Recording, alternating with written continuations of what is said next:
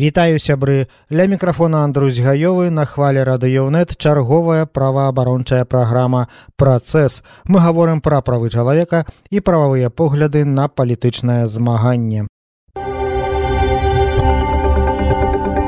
Праваабарончая арганізацыя прававая ініцыятыва апублікавала аналітычны агляд з назваю яны зрабілі з майго ўнука кавалак мяса. Палітычныя забойствы і смерці павінне рэжыму. У ім разглядаюцца ўсе вядомыя на цяперашні час смерці, у якіх вінаватая дзейная беларуская ўлада.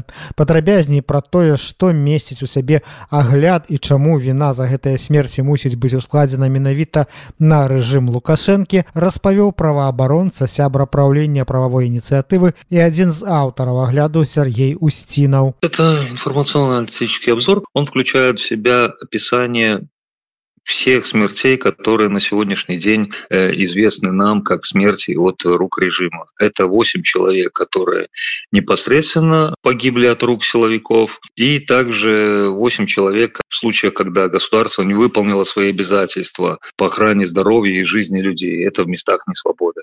Государство обязано следить за здоровьем граждан в местах несвободы. Если человек находится, э, скажем так, в зависимости от государства, да, в месте несвободы, неважно где это, отделение милиции, там, ИВС, СИЗО или колония или тюрьма, да, то есть э, за его жизнь и здоровье отвечает государство. Если человек там умирает, или человек теряет здоровье, то получается государство, в данном случае режим, виновен. 8 смертей, они подразделяются на тех непосредственно, э, которые люди умерли от рук силовиков, да, это Александр Тарайковский, Геннадий Шутов, которые были застрелены, да, э, Андрей Зельцер, который был застрелен в своей квартире и защищал свое жилье от э, людей в гражданском непонятных, которых вламывали в его квартиру, Роман Бондаренко, которого избили причастные, скажем так, к высшим должностным лицам режима люди, и потом э, завезли почему-то в РУВД, и в РУВД непонятно, что с ним происходило, и потом только доставили в больницу при смерти.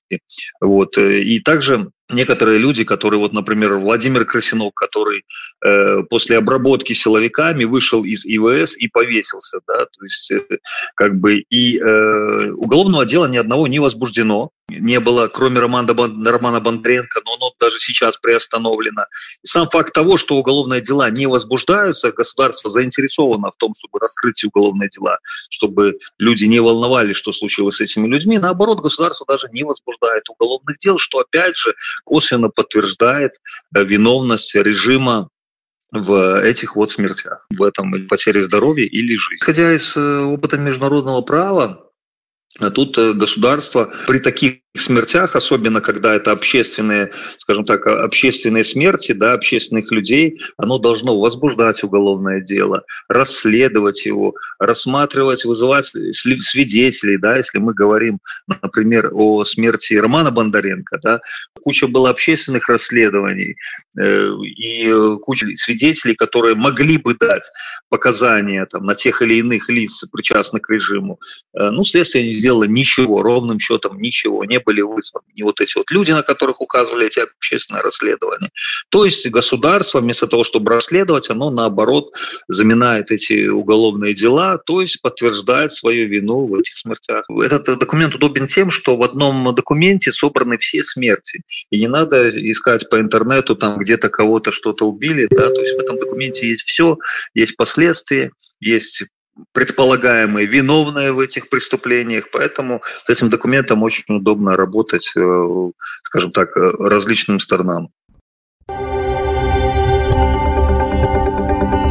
Далей у нашай праграме хроніка палітычна матываванага пераследу ў беларусі за мінулы тыдзень паводле маніторынгу праваабарончага цэнтру вясна У баранавічах нейкая Вікторыя Пакунова, якую асабіста Лукашенко прызначыў туды на пасаду суддзі, пастанавіла кінуць лукашэнкаўскія калоніі на адзін год кожнага з двух жыхароў баранавічаў толькі за тое, што яны з розных будынкаў у раёне ў розны час знялі два чырвона-зялёныя сцягі дзяржаўнага апарату Лукашэнкі.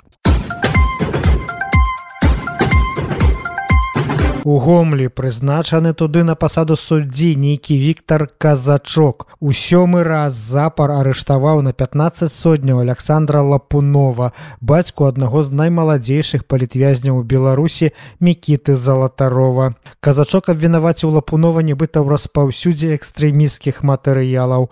Улады трымаюць у александра лапунова ў зняволенні з 8 жніўня паводле абвінавачвання ў распаўсюдзе экстрэміскіх матэрыялаў за артыкулам 19 11 кодекса об адміністрацыйных правапарушэннях. На тыдні працягнуліся масавыя аблавы ў розных рэгіёнах краіны. Карнікі жорстка з парушэннем прадугледжаны нават лукашэнкаўскімі законамі працэдуры затрымання хапалі людзей, якія не згодныя з палітыкай лукашэнкі. Пры гэтым у большасці выпадкаў іх абвінавачвалі паводле адміністрацыйных артыкулаў. Так у рэчыцы затрымалі сама мала 8 чалавек, у тым ліку роднага брата вядомага палітолага Валера Карбалевіча, Олега Карбалевіча ды ягоную жонку жонку. Усіх іх абвінавацілі ў распаўсюдзе экстрэміскіх матэрыялаў за падабайкі пад відэа і пастамі з розных недзяржаўных медыяў у сацыяльных сетках. Масавыя затрыманні пракаціліся ў баранавічах. Там карнікі схапілі не менш за 10 чалавек, сярод якіх праваабаронца Александр Вайцешак. Яго карнікі вырашылі арыштаваць на 15 сотняў. Таксама не менш за 10 чалавек затрымана ў ваўкавыску. Затрыманні прайшлі ў наваградку лідзе і мястэчку мір на гарадзеншчыне. У гомлі адразу пасля спаткання з жонкай палізняволенай Віталіяй Бандарэнка, якую карнікі ўтрымліваюць у папраўчай калоніі нумар 4, затрымалі ейнага мужа Анатоля старасветскага. Яго спачатку кінулі ў ізалятар часовага ўтрымання, потым перавялі ў следчы ізалятар і спрабуюць абвінаваціць у так званым садзейнічанні экстрэміскай дзейнасці. Казёл Наталля, грамадзянка, якую асабіста Лукашенко прызначыў на пасаду суддзі ў горадню і пры недастатковай выслужлівасці у любы момант можа з гэтыя пасады звольніць, разгледзела крымінальную справу, дзе гэты самы Лукашенко, ад якога казёл залежная па працы выступаў пацярпелым бокам. У ягонай абразе вінавацелі Мінчука Вячаслава Чарнецкага, якога карнікі затрымалі на мяжы па вяртанні ў Беларусь. Нібыта гэта ён напісаў каля тысячы каментароў у інтэрнэце, у якіх непрыязна выказваўся пра лукашэнку і прэзідэнта рассіі Пуціна. Сам пацярпелы на разгляд справы аб сваёй абразе не прыехаў, відавочна даверыўшыся прызначанай ім суддзі. І яна апраўдала давер дыктатара, прысудзіўшы чарнецкаму два гады абмежавання волі з накіраваннем у карную установу. Паквітаўся з-за нібыта абразу і паклёп на лукашэнку які сваім указам прызначыў яго на грашовую пасаду суддзі ў гомель і нейкі алег харошка.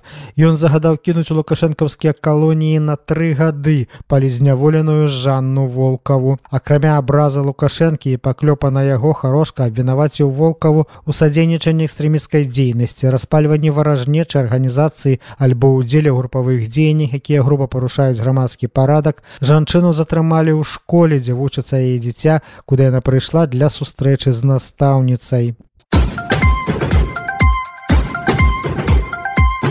А на гэтым сёння наш час вычарпаны я Андрусь гаёвы кажу вам да сустрэчы ў праваабарончай праграме працэс праз тыдзень.